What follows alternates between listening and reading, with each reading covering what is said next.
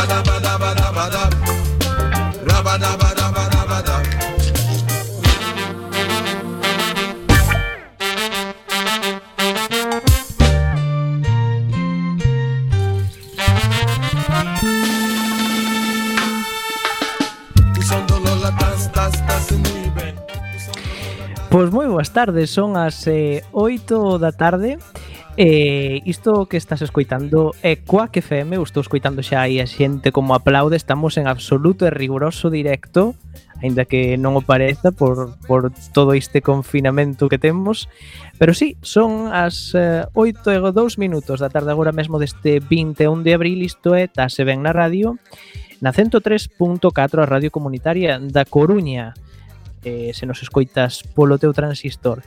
Tamén nos podes escoitar polas apps de Quack FM ou pola nosa web en quackfm.org barra directo onde tamén hai un chat no que podes participar eh, neste programa que facemos despois de hoxe Radio Patio gracias aos compañeros que estiveron aí dúas horas facendo radio comunitaria en directo.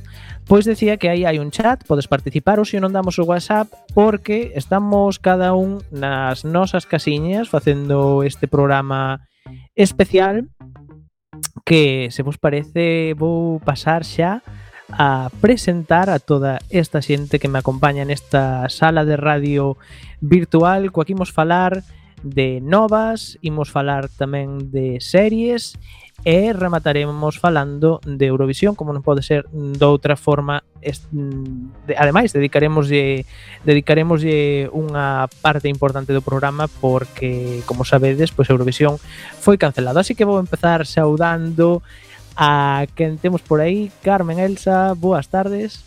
Boas tardes, Miguel Anxo. Hola, que tal? Como, bueno, antes antes no previo xa estábamos falando, Carmen Elsa, que como estamos e tal, porque había tempo que non falábamos, Exacto. pero estás ben, non? Confirmamos, estás ben, Sí, sí, todo no. ben. Tase ben na radio, tase ben en pijama, tase ben. Sí. Teletraballando, que tal? Bueno, eso, eso realmente eh, está siendo toda una experiencia. Pero tase aceptable no teletraballo. Eh, esta nova forma de facer radio como ves? Eh, bueno, xa te digo que, que para mí no de estar aquí na radio en pijama eh, na tua casa. Ademais, claro, na miña casa, ademais que eu agora eh, teño unha cousa que non me dá ninguna vergoña de recoñecer, que é que levo permanentemente posta unha diadema de princesa que merquei en Primark. E, e ata cando baixo a tirar o lixo, eu levo a miña diadema coa coroa de, da mala de, de, da Bella Durmiente, creo que é. E entón, eh, vamos, isto eh, para mí é a gloria. Estou aquí na radio coa miña coroa. Vamos, Está todo en orden. Está Estase fenomenal. bueno, vamos a continuar saudando xente porque xa estou vendo que se están incorporando máis persoas Um, temos por aí tamén a Jonathan. Jonathan, boas tardes. Hola, boas tardes. Como estades todos e todas? Eu por teño que dicir unha cousa, unha cousa. Eh, o teletraballo aquí na radio gustame moito. Pero no caso de ter que volver á radio, sí que solicito de poder facer o, o, o programa en pixama, eh? A Ah, ver, que sí. eh, eu creo que ninguén, ninguén, ninguén nos impide ir ao estudio José Couso de Quack FM na zapateira en pixama. Pero, bueno, non sei. Haberá que facelo tamén cando acabes todo o confinamento así un pouco como como supervivientes de eh, superamos estes meses en pijama eh, este aquí o noso uniforme de guerra Mm, contra o coronavirus. mm.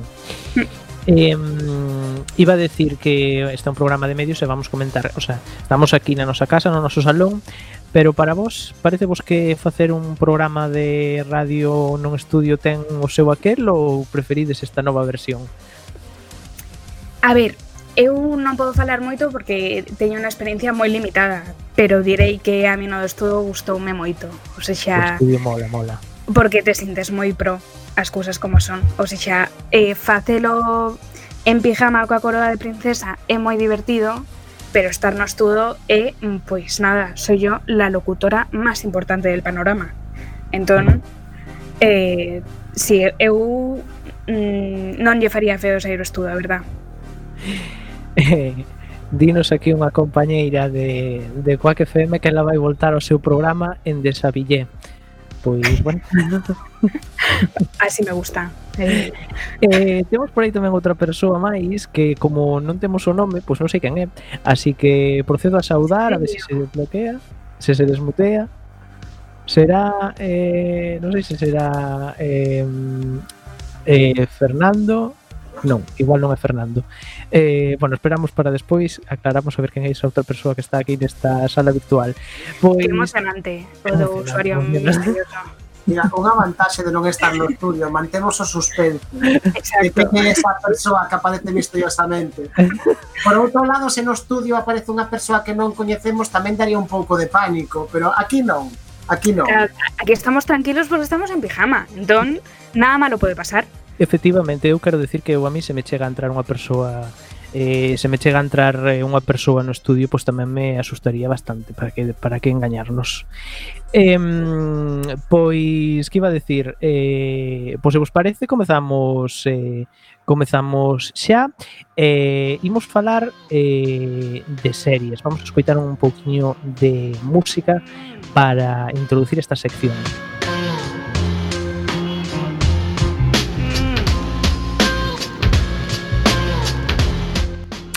que me quedou unha canción un pouco sexy, pero non imos falar de nada de nada raro. Eh, Carmen Elsa, de que imos falar hoxe?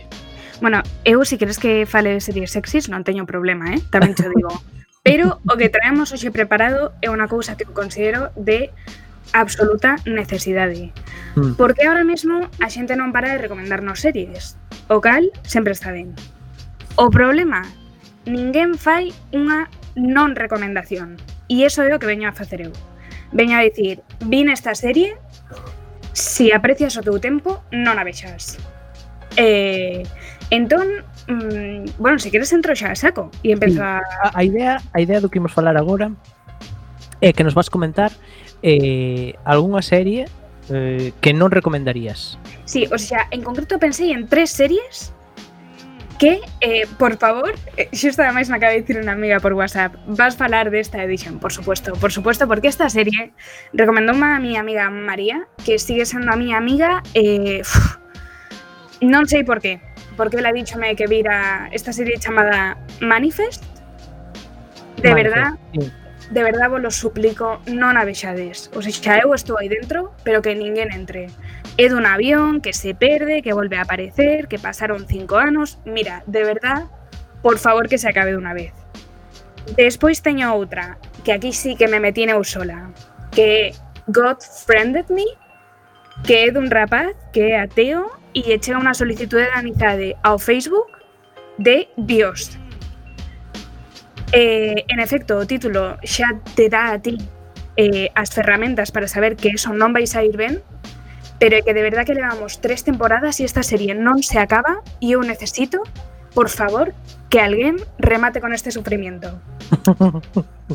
e por último, que xa non está en emisión afortunadamente para todos, eh, falo vos de The Librarians, que é unha serie que eu non coñecía, eh, que parece ser que había unas pelis tipo Indiana Jones sobre esto que votaban en Telecinco E eles son uns bibliotecarios que coidan da biblioteca con B ultra mayúscula na que se gardan todas as maravillas do mundo. Hmm. Mira, é terrible. O sea, terrible. Mira, se empeza aquí a xente a reaccionar eh, di, dinos unha ou 20 dinos manifest, empeza moi ben, pero despois a segunda temporada é moi flojita. Sí, sí, sí. Eh, Manifest eu o primeiro capítulo emocioneime moito, porque eu viña de ver Lost. Eh, entón, claro, había un eh, un, un aire moi parecido e eu emocioneime, eh, vamos, con toda a miña alma. Mm. Pero créeme que o que está pasando a día de hoxe non está ben. Non está ben, pero que eu creo que nin para os actores. Hmm. Hmm, o. É increíble porque según o que contas, a verdade é que o tema soa moi ben. E como un pode entón... A ver, que tampouco vou ir aquí de sobrado, que probablemente eu sempre faría peor, pero con unha cousa tan boa como, por exemplo, que Deus me agrega ao Facebook ou o que sea, como pode acabar unha serie mala diso? Porque mira que... Mira, verdad? Vale, pois pues, contoche. É que o pai é cura E ele é un pesado, pero de verdad, eh, é que non te imaginas o pesado que o mal que me cae o protagonista. Estou dicindo de verdad, por favor, ademais, madre mía, que ten un podcast.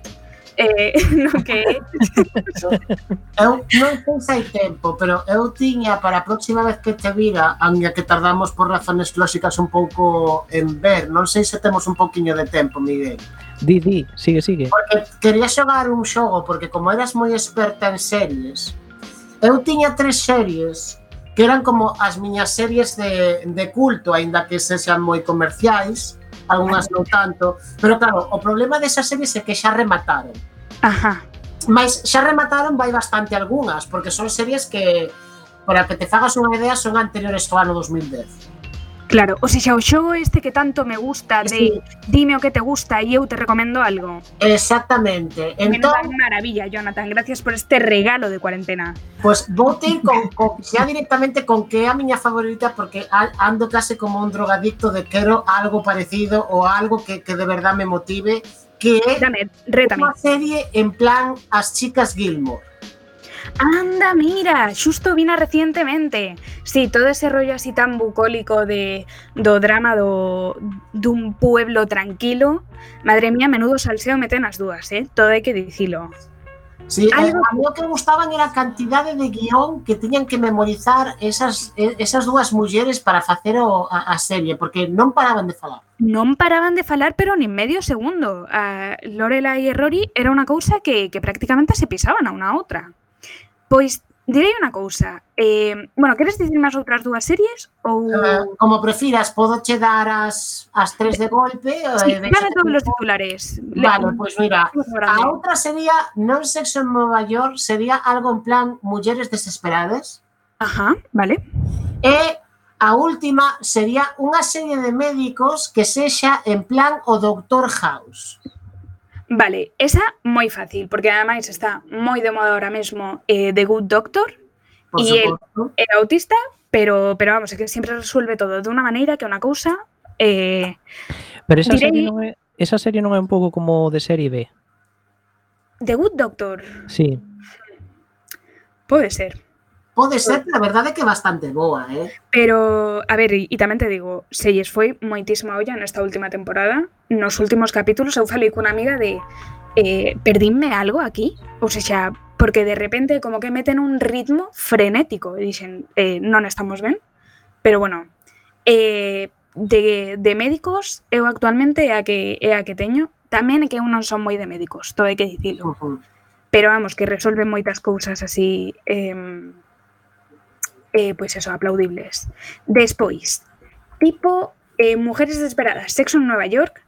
Vale, tirando a Sexo en Nueva York, hai unha serie que a min eh, me gusta moitísimo recomendar pero ainda non conseguín que ninguén a vexa.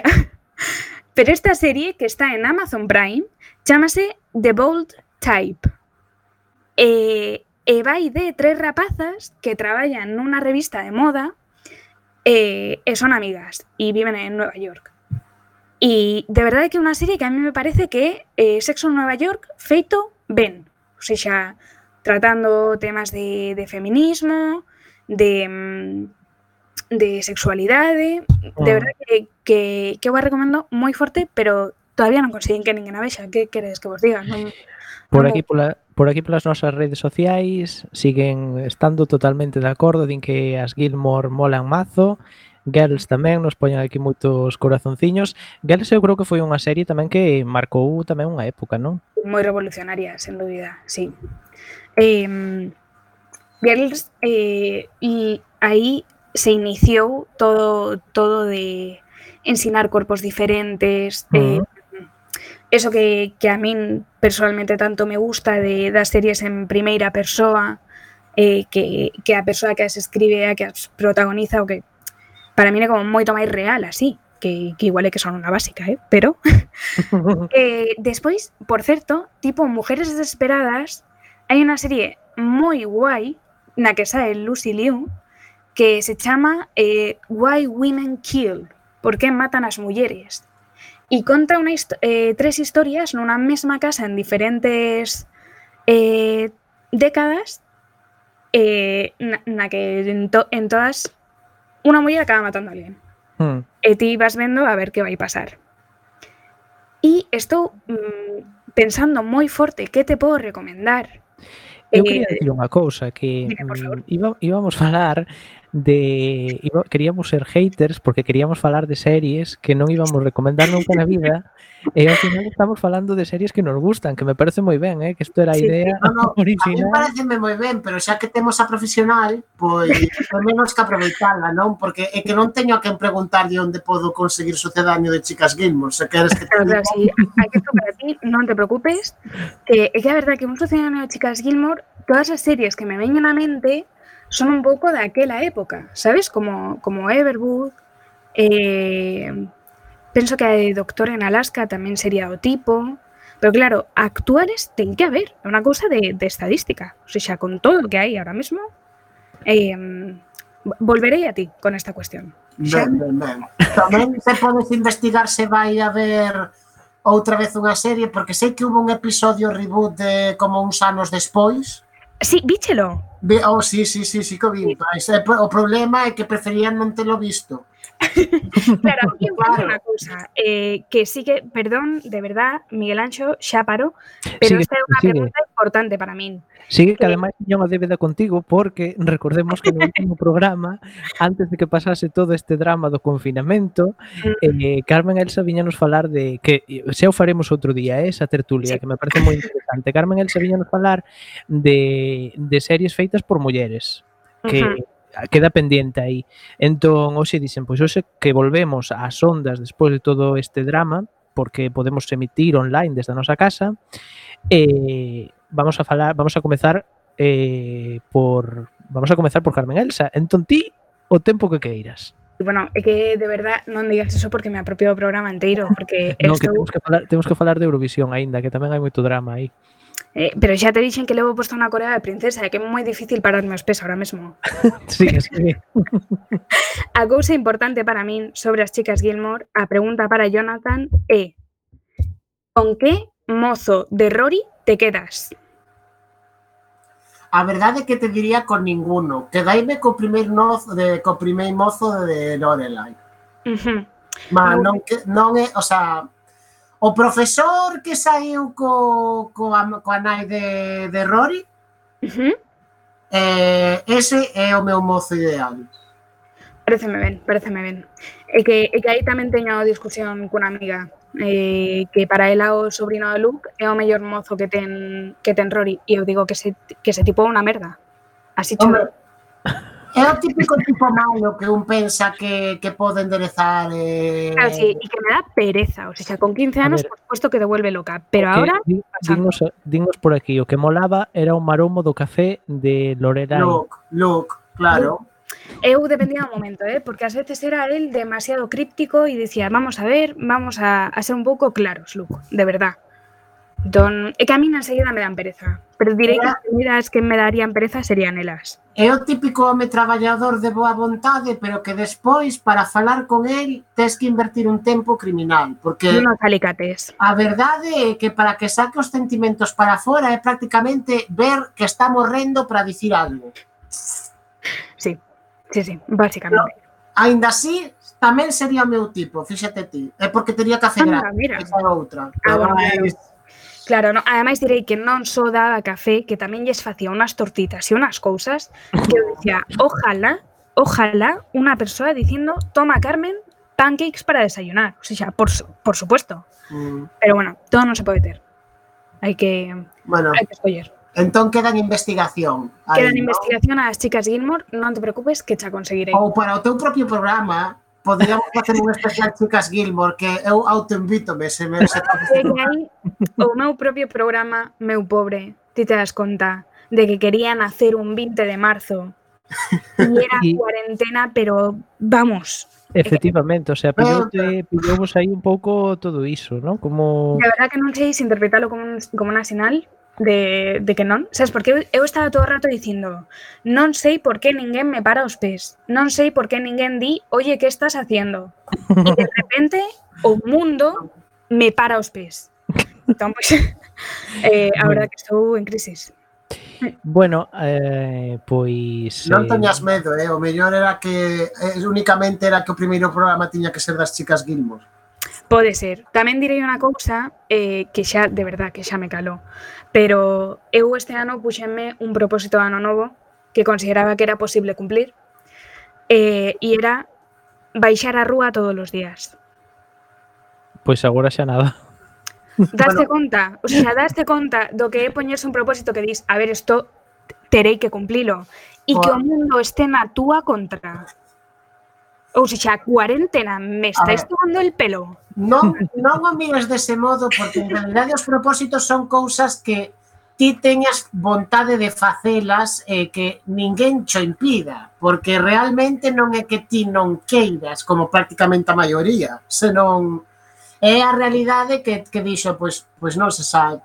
Pero non é que ti dixeras merda, tiña que ser todos os días un pouco e hoxe estou aquí Non, a verdade é que é o que é. Non creo que sexa realmente fallar nun propósito, porque non é que ti o buscases ou realmente sea a túa vontade fallar nel. Claro, a ver, é que eu non me quero creer o ombligo do mundo, pero de verdad, suceden estas cousas e digo, pois igual, Mira, igual o hai. Queres que te diga unha cousa máis forte? Que a verdade é que eu son de sair todos os días, eh? Pero esa non é o forte. O forte é que acabase a, te a tese doutoral un 19 de febreiro quixera enviala para presentar e saiu todo isto. Madre Despois de 4 anos. Madre mía, Jonathan, eh, bueno. non, isto considero mal augurio, porque eu teño que presentar o ano que ven, así que isto... Eh, vamos a disfrutar no a Miguel Anxo. Non sexamos, non sexamos pesimistas, Carmen, Elsa e Jonathan, eh, que aínda que eu creo que agora xa queda menos. A ver, eh, eu creo máis que pesimistas somos drama queens. Sí. Exacto, mira todo o salseo que vai quedar despois na grabación do programa. Este... Mira, salseo, salseo que ven agora, que imos falar de Eurovisión, así que xa aproveito para dar paso a seguinte a seguinte sección. Imos con Eurovisión. Isto é Tase ben na radio. Síguenos en Facebook e Twitter.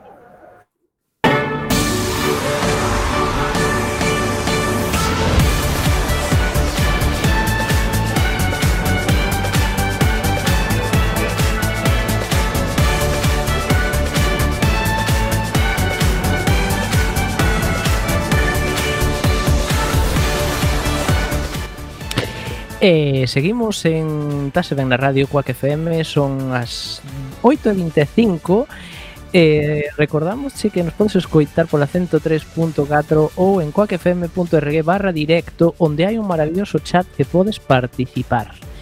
Eh, unimos a esta tertulia eh, primeiro vamos a mm, vamos a saudar a un dos eh, compañeiros de Quack que leva xa con esta van ser casi tres horas de directo. Fer, boas tardes. Hola, buenas tardes. ¿Qué tal, chicos? Moi ben, Boas que tal, o, tardes.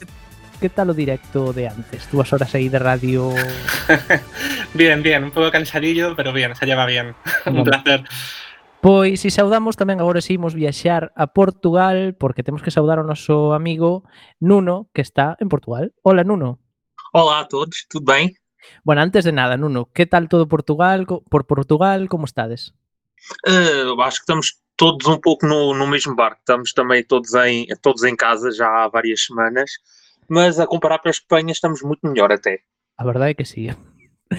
eh, eu iba a preguntar, eh, porque este é un programa no que falamos de, de medios e estas cousas, eh, aos medios de comunicación como lles afectou aí a, o COVID tamén? Eh, Por acaso, nos últimos dias têm sido muitas notícias, assim, os principais jornais e, os- e as, as televisões nem tanto, mas mais os jornais, muitos deles estão a entrar em layoff, muitos deles vão ter despedimentos em série, por acaso vai ser assim uma das, uma das áreas que vai ser mais afetadas por esta pandemia. Ujú. E, bueno, aquí eh, adaptáronse bastante ben porque, bueno, os programas de radio este a nosa emisora tamén é un é un exemplo a xente está emitindo desde as súas casas e están lle dando máis uso que nunca ao Skype. Non sei se en Portugal tamén pasou o mesmo. Sim, não, em Portugal também aconteceu muito. Nos primeiros dias ninguém estava assim à espera da situação toda, então houve muitos programas a ser cancelados e passaram repetições e passaram séries e filmes, enquanto que agora já se têm vindo a atualizar, é basicamente mesmo na própria televisão, temos basicamente só o apresentador em estúdio e o programa passa-se todo com conversas por Skype ou através até de suas casas. Há vários programas gravados mesmo em casa, na própria RTP, na televisão portuguesa, e também na rádio. Nota-se muito que há muito trabalho em, em casa, mas acho que os mais afetados vai ser mesmo a imprensa. A imprensa escrita, essa vai sofrer muito com esta crise. Hmm. Bueno, veremos todo como vai como vai eh, avanzando pouco a pouco, porque, bueno, aquí mmm, creo que xa queda pouco, eh, de feito, se non me equivoco, pois para o 10 de maio teñen anunciado un, non sei se algún dos meus compañeros que está por aquí conectado ten a información precisa, creo que o 10 de maio eh, xa se termina un pouco máis ou menos o confinamento, parece ser, Eh, non sei en Portugal se tendes previsión de cando vai Em, em. Portugal, fala-se que o, o estado de emergência, que já está. O estado de emergência em Portugal é decretado de 15 a 15 dias. Então já é o terceiro período de estado de emergência e fala-se que no dia 2 de maio esse estado vai chegar ao fim e vamos passar outra vez a estado de alerta. E os serviços vão começar a abrir aos poucos a nível, do, a nível dos cabeleireiros, a nível também dos hotéis, já se fala, Uhum. também na- nas igrejas, que também estão fechadas desde o início da, da pandemia, e vai ser assim um, processo de vários meses de uma abertura gradual, para que não haja um retrocesso nas medidas ou um novo pico, e vai, vai se tentar abrir as coisas aos poucos. Hmm. Pois aquí tamén, de feito o 27 creo que van a comezar a sair os nenos de ata 14 anos, así que moi ben por eles. O caso é que nós aquí, eh, bueno, visto xa que todos estamos ben, que nos encontramos ben, vimos falar de Eurovisión porque tristemente xa era de esperar, eh, cancelaron nos Eurovisión, eh, anunciábano así desde a canle oficial de YouTube.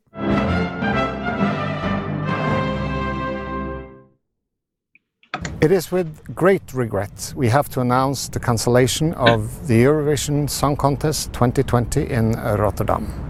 The escalating spread of the coronavirus throughout Europe and the restrictions put in place by many governments and the Dutch authorities makes it impossible for us to host a live event as planned. We are very proud of the Eurovision Song Contest that for 64 years have united people all around Europe and we are deeply disappointed about this situation.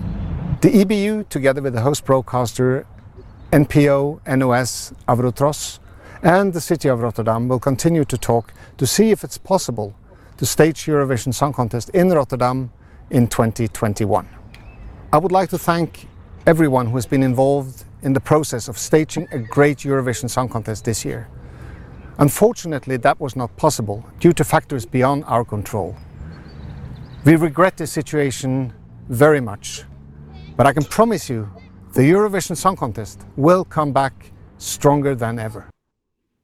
Pois este era John Olasand que precisamente é o seu último festival de era o seu último festival de Eurovisión anunciando que pois debido ás medidas eh, que os gobernos estaban poñendo en en riba da mesa eh para previr a expansión do virus pois eh, non había máis remedio que, que cancelar eh, cancelar Eurovisión. Um, quero saber, a ver, como recibistes vos esta noticia e se, se, se esperabades eh, esta noticia? Quen queira, vamos a empezar por Fer, que xa ten por aí a man levantada. Mm.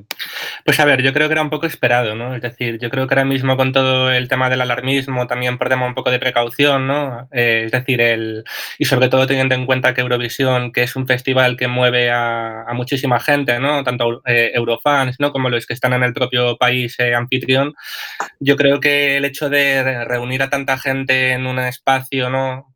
Como es el, bueno, el caso del, del escenario, ¿no? Quiero decir, yo creo que en cuanto a tema de precaución, pues será un poco lo esperado, ¿no? Pero bueno, a ver, también soy de los que piensa que en caso de que quisieran hacerlo en un espacio cerrado, aunque sería un poco raro, yo creo que con, la, con las medidas tan, quiero decir, tecnológicas y todo el tema de logística que hay en este festival, creo que también podría ser viable, ¿no? Pero cuando a fin de cuentas la propia organización ha decidido eh, suspenderlo, pues no sé, me parece lo más coherente ¿no? y sensato ahora mismo en estos momentos. No sé si, si compartís un poco mi opinión, pero bueno, es un poco lo que, lo que yo haría, ¿no? Mm. Eh, a ver, máis xente por aí. Nuno, ti que ti esperabas esta, esta noticia? Não, eu sinceramente eu não esperava, mas sinceramente foi a melhor uh, decisão possível. Porque acho que também quando foi anunciado ainda ninguém tinha noção do que é que ia ser esta pandemia. E se nós tivermos em conta, hoje é dia 21 de abril, ou já iam estar a, a decorrer ensaios uh, técnicos na, na, própria arena e não, não, não ia ser possível sequer organizar o Festival da Eurovisão. A eu sempre é, é surpreendente. Festival... É sorprendente que a estas alturas estaríamos já com ensaios, é? Sim, exatamente, e é impensável. Hoje, a Holanda até é um dos países que está a ser mais afetado. A própria Arena é hoje um hospital de campanha, tem 200 ou 300 infectados lá hospedados, digamos assim, e também te, eu sempre pensei que o festival fosse adiado para mais tarde. Uh, Falou-se na altura que o festival podia decorrer ou em setembro ou em outubro, na, na Holanda, e a Alemanha partia já como anfitriã do 2021 caso o país vencedor não tivesse condições de organizar em tão pouco tempo uh, a organização do, do evento. Contudo, é assim, também ninguém sabe quando é que esta pandemia vai chegar ao fim. Ninguém sabe se em setembro ou em outubro íamos estar em condições de fazer um evento de envergadura com o Festival da Eurovisão. Por isso acho que foi a decisão adequada, sinceramente. Hum. Um, Carmen Elsa, por exemplo, ti esperabas esta noticia? Non sei se eres moi seguidora de Eurovisión, por certo. Xusto, ia levantar a man. Eh, a verdade que non son moi seguidora de, de Eurovisión, eh, e eso que durante un tempo na miña vida era aquelo como un ritual de ver enteira a gala, pero sí que é certo que últimamente ando desconectada. Sí. Quizáis novamente, como isto vai todo sobre min, é un aviso do mundo para que eu retome Eurovisión. Non, eh, non o descartamos. Hai que ter en conta que é a primeira vez eh, na historia de Eurovisión, sen mal non me fallan os datos, a primeira vez na historia de Eurovisión que se cancela o festival, ah. que se suspende. É moi forte. Eh, Fer? Sí, digo, yo también quería comentar que, no sé, porque precisamente lo leía esta mañana, que aparte de suspenderlo, me parece que en caso de que se, bueno, quiero decir, como es lógico, ¿no? Y como todo se espera, de que se repita en el 2021, me parece que se tiene que volver con una canción diferente. Es decir, no es la de la que, es decir, la canción con la que el artista de cada país iba a ir este año. O sea que. Por una parte, eh, o sea, esto también me parece un poco que para el tema de, de los artistas que van, me parece, por así decirlo, y perdón, por, y perdón, bueno, perdonar por la expresión, es un poco putada, ¿no? Porque quiero decir, ya tenían, bueno, pues toda la promoción, todo lo que decís ahora de que estaríamos con ensayos y tal, pero y, y también eh, coincide con la compañera que yo estos últimos años tampoco he sido muy seguidor del festival, pero quiero decirte, el hecho de que se permita al mismo artista ir dos años seguidos y aunque sea con dos canciones, pues es una doble oportunidad, ¿no? Hmm. Es decir, son dos canciones, tienes un poco más, no sé cómo decirlo, más eh, posibilidades de, de, abarcar más público, ¿no? Porque hmm. si, si, la canción de este año, por ejemplo, no gustaba, ¿no? Sí, vamos de, despois máis adiante eh, que xa eh, comentas unha cousa que despois imos tocar que é precisamente as decisións das diferentes televisións europeas con relación a os artistas que a verdade é que é bastante complicado para eles, non? Eh, Nuno, Não, o que eu queria dizer era que tu falaste há pouco que o Festival da Eurovisão nunca tinha sido cancelado na sua história. Uh, também é assim, nós nos últimos tempos, vá, agora houve demasiado tempo livre até sobre o Festival da Eurovisão, viemos a descobrir que o festival, uma vez, quando foi organizada no Reino Unido, foi adiado por causa de uma greve. Uma greve dos câmarasmenos, foi a única vez que o Festival da Eurovisão foi adiado. Foi adiado durante 15 dias para os sindicatos conseguirem chegar a acordo. E foi também em 1991, quando foi organizada em Itália, o festival ia decorrer em São Remo, mas depois teve de ser transferido para Roma por causa do início da Guerra dos Balcãs, na, na dissolução da antiga Jugoslávia. Foram as únicas duas ocasiões que o festival teve de ser mudado dos planos originais. non tiño eses, eses datos, pero aí queda iso. Entón, dúas veces que o Festival de Eurovisión, con esta tres, serían. Esa foi Qué fuerte. Sí. Eh, sí, sí. Eu quería comentar que, eh, porque antes tamén xa o comentaba Nuno, eh, que eu creo, na miña opinión, creo que se podería ter adiado, como dicía Nuno, é dicir, facelo nunha data máis tarde, porque eh, a ver, que problema habería con facer Eurovisión, pois por exemplo, en outubro ou en outubro en, ou mesmo novembro, Eu mm, eu persoalmente non vexo ningún ningún problema. Non sei ti que opinas, Nuno. É é assim, eu na altura também pensei que era uma questão viável, sinceramente, porque se calhar em setembro ou em outubro as coisas já iam estar resolvidas, mas é sempre muito se ninguém sabe o que vai ser o dia da manhã e sequer mesmo a edição de 2021 não sabemos se em maio do próximo ano vamos estar em condições sequer de ter uma- um festival de Eurovisão nos moldes temos visto até agora. E também há de, de destacar que alguns países apresentaram algumas propostas para o próprio Festival de Eurovisão decorrer, mas em moldes diferentes. Uma das propostas foi, foi proposta, digamos assim, pela Alemanha e pela Suécia, que eh, basicamente era um festival de Eurovisão com as atuações desses artistas a partir Hum. de sua casa. Ia haver Hum. um concurso normal, só que as atuações iam ser ou em estúdio de televisão nos países de origem ou nas casas mesmo dos artistas. Mas essa proposta foi chumbada pelo grupo de referência e óbvio pelo cancelamento do, do concurso. Sí, eu aí tamén eh, o vexo vía esa opción como viable, eh, especialmente desde un estudio de televisión, porque claro, estamos vendo que as grabacións nas casas de cada un, calquera cousa pode sair de aí, non? Pois, Pero... mas o problema é que certos países, non a querían. nível de estúdios de televisão, ia ser um bocadinho diferente. Seríamos Sim, países como a Moldávia ou como a Albânia, em que a nível da qualidade mesmo de transmissão ia ficar um bocadinho aquém e havia logo países que ficavam à partida em vantagem. Mm. Eu tamén vos digo unha cousa, eu son eh, tamén os Países Baixos eh, claro, eh, a min gustaríame celebrar eh, a edición na que gañei despois de tantos anos, celebrarla dignamente, non desta forma, non? Exato, acho que aí Meus pobres. Claro, eu aí entendo tamén a televisión dos Países Baixos, pois que, claro, eh, é todo ese esforzo que, que, que invertiron, pois tamén que o que, que poidesen tamén lucilo de alguna forma, non?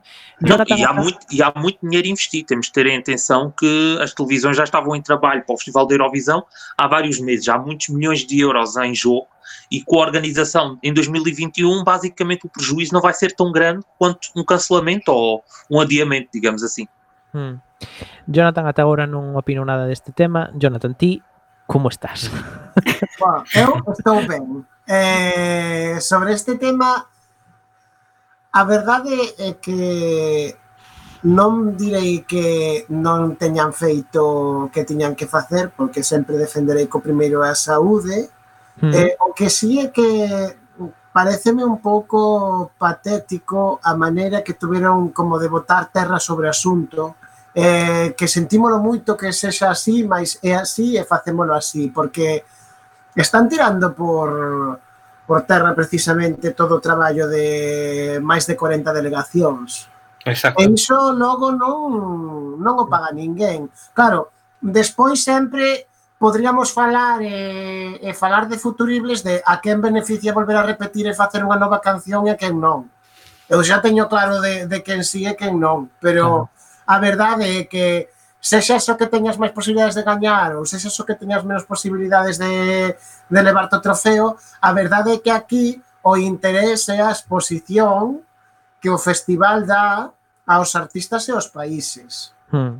Eh, se eu firmo un contrato con alguén eh, eh, ese contrato comprometeme a hacer un traballo eh, xa sei que por cuestiones do destino non se pode exixir a 100% un cumplimento sempre de, das cousas porque non é así, pero mira que non hai alternativas para tirar para diante.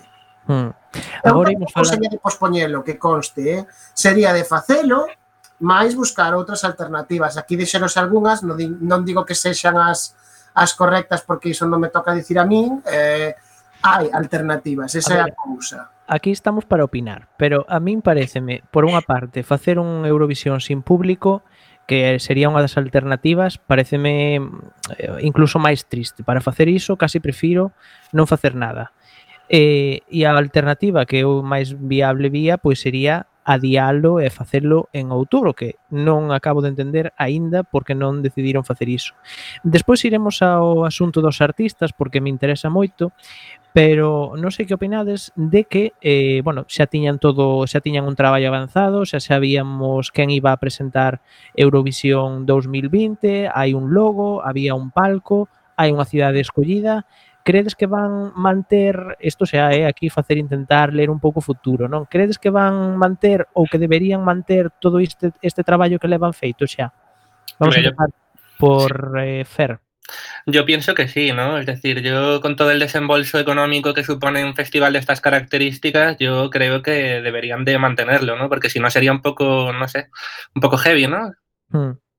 Home, eu espero que sí, porque ademais eh, outra cousa tamén hai que ter en conta se si esta edición de 2021 vai costar máis cartos, que mm. probablemente sí. Eh, Carmen Elsa? Eh, debo decir que yo también Bueno, madre mía, non sei por que me pasei ao castelán. Estou, que queiras. Eh, cuarentenosa estou. Eh, pero eu tamén abogo polo, polo sí, polo manter as cousas e de feito o vexo como unha gran oportunidade de mellorar, eu que sei, si non sei cal sería a reacción da xente ante as o logo e demais, pero Mm. aproveitar para corrixir calquera crítica, eh, vamos, é o que faría eu. Hmm. Eh, No. Nuno, por aí, ti que opinas? Não, eu também acho que a edição 2021 tem de, tem de ser em Roterdão. Acho que não há, não há sequer outra, outra opção. Se bem que é assim, a cidade ainda nem sequer decidiu se vai organizar para 2021 ou não. Acho que isto vai ser decidido nas próximas semanas, mas acho que mesmo o próprio modelo, o mesmo logo, o mesmo palco, acho que pode ser tudo melhorado e manter o trabalho que já foi feito para, para esta edição 2020. Eu agora que xa estaba acostumbrado ao logo, que é así bastante diferente do que estamos acostumbrados en Eurovisión, eh, agora que xa estaba acostumbrado que non mo quiten. Eu creo que deberían manter todo. Sí que é verdad que lle quita, sí que é certo que lle quita un pouco de suspense, non? Porque gran parte dos que seguimos Eurovisión pois gran parte do suspense tamén está en saber cal vai ser a cidade escollida, como vai ser o logo, quen vai presentar e desde logo que 2021 pois vai ser un Eurovisión moi raro e como dicía Nuno, veremos a ver se o podemos veremos a ver se o podemos celebrar aínda. Um, Jonathan, quedas ti, non sei se queres comentar algo con respecto a este tema. Eu a verdade é que tiña como unha, unha idea un pouco louca, podese dicir así, é, é un Eurovisión con dous gañadores. O sea, facer como unha mega un mega Eurovisión eh, utilizar as cancións e os cantantes desta Eurovisión e eh, máis escoller os cantantes da, da próxima. Mm. Son moi revolucionario. É, é un pouco os xogos da fame, porque a verdade é que cando, sí, é cando escolleron tributos de dous parellas de cada distrito, pero... Claro, a ver, direi que me parece unha gran idea como para fantasear, porque digo, e ademais máis daría dous premios, un deles sería un premio maravilloso de non só eres tía o país que, que vai representar o bueno, vai ter a, ser a sede do festival o ano que ven, sino que ademais non sei, enviaremos un un avión co teu nome. E despois o regalo terrible, que é, pois a ti te toca pagar todo. No, no, no. Eh, te pode tocar o regalo bo ou o regalo malo. E o regalo malo é que tens que pagar eh, todo o, o festival do que se leve o regalo bo. Bueno, hai que desa proposta de Carmen Elsa, vamos a dicir a Estou preparada a, para isto. A Ebu que, que, que a chamen para que lles dé as súas ideas. Eh, eh, de todas formas, sin Eurovisión non imos quedar porque eh, o 16 de maio eh, vais a emitir un programa que, que están preparando na, na Unión Europea de Radiodifusión que se vai chamar Eurovisión Europe Shine Aligned é que eh, pois aquí no Estado español pois xa Radio Televisión Española confi confirmou que vai emitir ese programa, ademais de outra programa de, de complementar pois con outros programas, parece que ser que vai eh, emitir eh, outras edicións pasadas. Eh, en Portugal como vai ser, Nuno? Eh, em Portugal ainda não se sabe nada. a RTP nesse sentido funciona muito mal. Eh, e só sabemos que vai, vai ser transmitido esse programa especial. Foi anunciado pela Filomena Cautela, uma das apresentadoras do Festival da Eurovisão. Sinceramente, se a RTP vai preparar alguma programação especial, não acredito. Sinceramente, Hum. provavelmente podem vir a transmitir ao Festival da Eurovisão 2018 ou até o Festival da Canção de 2020. Fora disso, não, não acredito que haja uma programação especial. Mm. Bueno, eh, en canto a este programa, eh, Europe Shine a Line, decir que mm, vai ser un programa especial con coas actuacións grabadas e que o único que vai servir pois vai ser para honrar, digamos, pois as eh, 41 eh, as 41 cancións nun formato non competitivo, é dicir, de aquí non vai sair un gañador, mm, aínda que non é a miña opción perfecta, eu creo que está ben honrar as cancións deste, deste ano, porque as habrá mellores e peores, pero eh, a verdade é que para os artistas pois é un pouco un pouco baixón, non? Eh, en ese sentido, entramos xa no debate que tamén eh, está inundando as redes, é dicir, que facemos cos artistas de 2020? Televisión Española xa confirmou que volviu a invitar a Blas Cantó eh, para representar a Televisión Española eh, en 2021 pero obviamente eh, as regras de Eurovisión impiden pois utilizar estas mesmas cancións. No caso de Blas Cantó, na miña opinión, hasta lle poden facer un favor. Yo, pero... Eh. yo, yo, yo también lo pienso. Me hago hate sutil. es un caso de televisión española. En outros casos de outras televisións europeas tamén foi moi criticado, pois por exemplo, a canción norueguesa os fans eh, criticaron moito, pois por exemplo, que a televisión norueguesa eh, vai a volver a celebrar outra vez a súa final nacional, o mesmo tamén con outros países creo que xa o confirmaron, pois por exemplo, como Dinamarca e Portugal, mmm, Nuno, creo que tamén pois eh, Elisa eh, finalmente non vai poder ir a Eurovisión de momento. Pois. Pois é, assim, ainda está assim tudo muito numa esfera que ainda ninguém sabe mesmo o que vai acontecer, mas acho que realmente o que vai acontecer vai ser uma nova edição do, do Festival da Canção e acho que a RTP tem apostado desde que o, antes do Salvador até ganhar o Festival da, da Eurovisão no novo modelo do Festival da Canção e que o Festival da Canção, além de um processo para o Festival da Eurovisão, seja uma montra para compositores do, atuais a compositores que estejam em destaque em Portugal e para novos cantores no formato. Não usam propriamente o festival só para a Eurovisão. E acho que vai ser mesmo essa a escolha, fazer um novo festival da canção. A Elisa disse que não ia à Eurovisão. Nós falámos até diretamente com a Elisa. A Elisa disse, disse que não ia, mas também não disse que não ia. Ficou-se tudo muito em aberto. Mas acho Hum. que a escolha vai ser a realização do novo festival.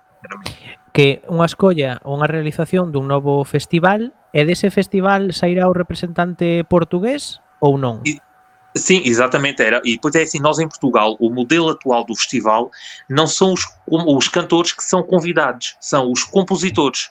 Então, basicamente, quem ganhou o festival não foi a Elisa, a cantora, mas sim a Marta, a compositora. Hum. Então aí surgiu logo uma dúvida que era, caso houvesse uma escolha interna, quem é que ia ser escolhida? A Elisa para cantar outra canção de outro compositor qualquer, ou Claro. a Marta com uma canção dela, interpretada ou não pela, pela Elisa. Então Hum. levantou logo aí muitas dúvidas, por isso acho que vai ser mesmo uma, um novo festival da canção. Claro, e na túa opinión a solución é a adecuada ou crees que deberían invitar a, a Elisa e a Marta para representar a Portugal en 2021? Eu, eu aí não, não- nem sei. Porque é assim, eu não gosto muito dessas conjugações de um compositor faz uma canção, entrega ao outro e depois cola-se. E é o que está a acontecer também com a Marta. E se a Elisa fosse a própria compositora, como foi no ano passado o, o Conan, eu acreditava que sim, acho que tinha toda a lógica até fazer um convite direto e por que não fazer um festival da canção só com um artista e várias canções interpretadas pelo mesmo. Sendo assim, sendo que a Elisa foi escolhida por um festival da canção, acho que o mais, o mais justo, digamos assim, é a realização de um novo festival. Nos casos das seleções internas, acho que tem toda a lógica voltarem a escolher o cantor que tinha sido escolhido no ano anterior. Hmm. Bueno, e como decía antes, no caso de Blas Cantó, isto vai con pouco de retranca, eh, creo que lle ven ben pola canción e ademais a televisión española eh, mellor tamén porque é traballo que se forran de cara a 2021 de andar buscando quen queira representar a España en Eurovisión. Eh, Fer, eh, ti como ves o asunto este? Yo es que partiendo de la base de que creo que la delegación española no se ha tomado jamás, de los jamases, el festival en serio, pues yo creo que da igual lo que mandemos o lo que hagamos, que yo creo que nunca vamos a lograr ganar el festival. No, no quiero ser pesimista, pero, pero bueno, a, los hechos me remito, ¿no? Porque yo creo que si habiendo enviado artistas como Pastora Soler o como Ruth Lorenzo, y no, y no hemos ni quedado, o sea, no hemos eh, ya no digo ganar, ¿no? Pero quedado en un top 5, en un top 3, yo creo que ya pocas posibilidades hay, ¿no? Mm. Pero, pero bueno, yo en el caso de Blas Cantó, yo soy de, de, los partidarios de que creo que hasta le están haciendo un favor, porque a mí la canción como que, como que no. Claro, creo que, claro per, perdonadme, non me matei, pero es mi, mm. es, es mi humilde opinión. No, eu tamén, eu tamén o creo e creo que moitas veces non só eu cantante, que eu creo que eh, nesta edición de 2020 había un consenso entre os eurofans españois de que el era un bo representante, pero a canción non lle ten que gustar a todo o mundo. De feito, el eh, últimamente, bueno, pois foi moi criticado tamén polo tema de que non cantou nesta pre-party virtual que fixeron os de Eurovisión Spain. Uh. Eh, sí, moi criticado. De... Claro, sí. el achacou a que sufría demasiada ansiedade por isto que lle estaba costando, non? E eu creo que tamén a ver, eu creo que desta vez eh, non debería queixarse porque eu non vexo moita crítica dirixida hacia el, quero decir, creo que todos os, os eurofans están de acordo en que el ten unha boa voz, que sería un bo representante, pero claro, a canción non lle ten por que gustar a todo o mundo. Creo que aí debería aceptar un pouco máis ben a crítica da xente, non? Sí, Ah. pero bueno, yo en, el, yo en el caso de Blas, yo lo achaco más quizás a todo, a que todo esto le ha pillado un poco, no sé, un cúmulo de todo y que ya Sí. ha sido el momento de no puedo más ya. Sí, no, está claro que está claro que representar a un país en Eurovisión, representar a unha televisión e sobre todo con unha comunidade de fans tan especial, e isto entre aspas, tan especial como esta de España, que hai que ter moito cuidado, eh, pois eh, obviamente ten os seus riscos. Carmen Elsa tamén ten problema a palabra pedida. Si, sí, a verdad, eu que simplemente quería facer referencia a unha ao, ao que dixo Fer antes de non por ser pesimista, non quero ser pesimista, pero España nunca vai gañar. Que a min sonome un pouco como non quero matar a ninguén, pero me flipa disparar a xente na cabeza. Eh, ou eu creo que deberíamos ser positivos e aproveitar esta gran oportunidade para dicir de aquí en adiante que gañamos o Festival de 2020. Porque ninguén nos recordará. Estaríamos. A ver, Televisión Española, Televisión Española organizou unha votación online e sabedes que engañou? Blas cantó. Espero que no. ya estaría. Si es que María. E por iso, homes e mulleres da sala, non se pode votar a un mesmo en Eurovisión. Pero na, pero na Sí, pero, pero, pero exacto, en el Junior se puede. Fíjate. Pero nesta nesta votación, nesta votación de Televisión Española sí que se sí que se podía. Eh, moi poquinho que xa nos queda moi pouco tempo. Eh, vamos agora a entrar en salseo. Eu creo que lle temos que dedicar outro programa, pero bueno, vamos aquí a avanzar un pouco. Eh, quen credes que podría ter gañado Eurovisión 2020? Vou empezar por Nuno. A ver, Nuno, a ti que che parece? Eh, agora podia dizer Espanha para ficar bem, mas não, nunca na vida.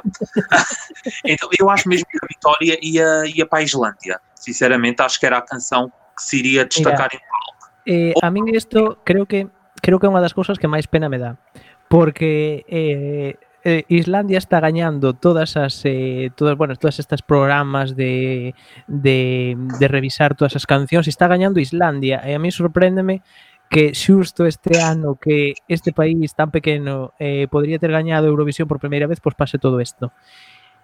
Pero, en fin... Não, exatamente, eu acho que ia ser a Islândia. Acho que a Islândia é uma canção muito diferente de tudo o que já vimos na Eurovisão e é daquelas que não cai no ridículo. O caso contrário é o da Rússia. A Rússia também acredito que ia ser uma das canções mais votadas. Se nós virmos, a canção tem mais de 70 milhões de visualizações em um mês e meio e é uma canção muito animada, mas é ridícula. Pronto, temos eu penso que eu penso que Rusia aí non tiña moito non tiña moito moito que facer. Eu non creo que fora para Rusia, eu creo que ou ben Islandia ou atención tamén a Italia que o outro día eh Diodato pois tamén eh na preparti, aínda que isto hai que tomalo con pinzas, na preparti española pois tamén tivo tivo moito éxito. Eh, moi rapidiño o resto da xente que estades aquí, eh Fer Eh, ou Carmen es que-. Sí, yo es que tampoco escuché mucho de, de las canciones de este año, pero he de reconocer que así de los últimos festivales que he visto, a mí Italia me gustaba bastante y Malta también. O sea, es Mm. un poco así más rollo pachangueo, pero bueno, me, me gustaba, la verdad. Y luego ya, lógicamente, está Suecia, ¿no? Que ya son de los pocos países que se lo toman en serio, ¿no? Cada año. Mm. Pero, pero, por- pero por decir algo. Mm.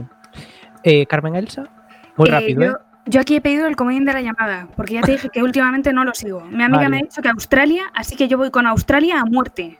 Australia, Australia. Bueno, a min desta vez, a min este ano Australia non me, non me gustou moito, pero tamén ten aí os seus ten os seus fans. Teñen coalas. Irlandia hai que decir que, que tamén tivo moita moita presencia nas redes sociais e moita en fin, moito bombo. Eh, Jonathan? Eu diría que quen viva a gañar iba a ser Islandia, mas se fora por min este ano eu votaría a Ucrania. Gustoume moito a, a canción. Moi ben, pois teño que cortar porque temos que deixar aquí. Moitas grazas Fer, moitas grazas Carmen Elsa, moitas grazas Jonathan e moitas grazas Nuno de do, do scportugal.pt. Grazas a todos por participar e escoitámonos dentro de 14 días aquí en Quack FM, isto é Tase Ben na radio. Ata logo, chao. You wanna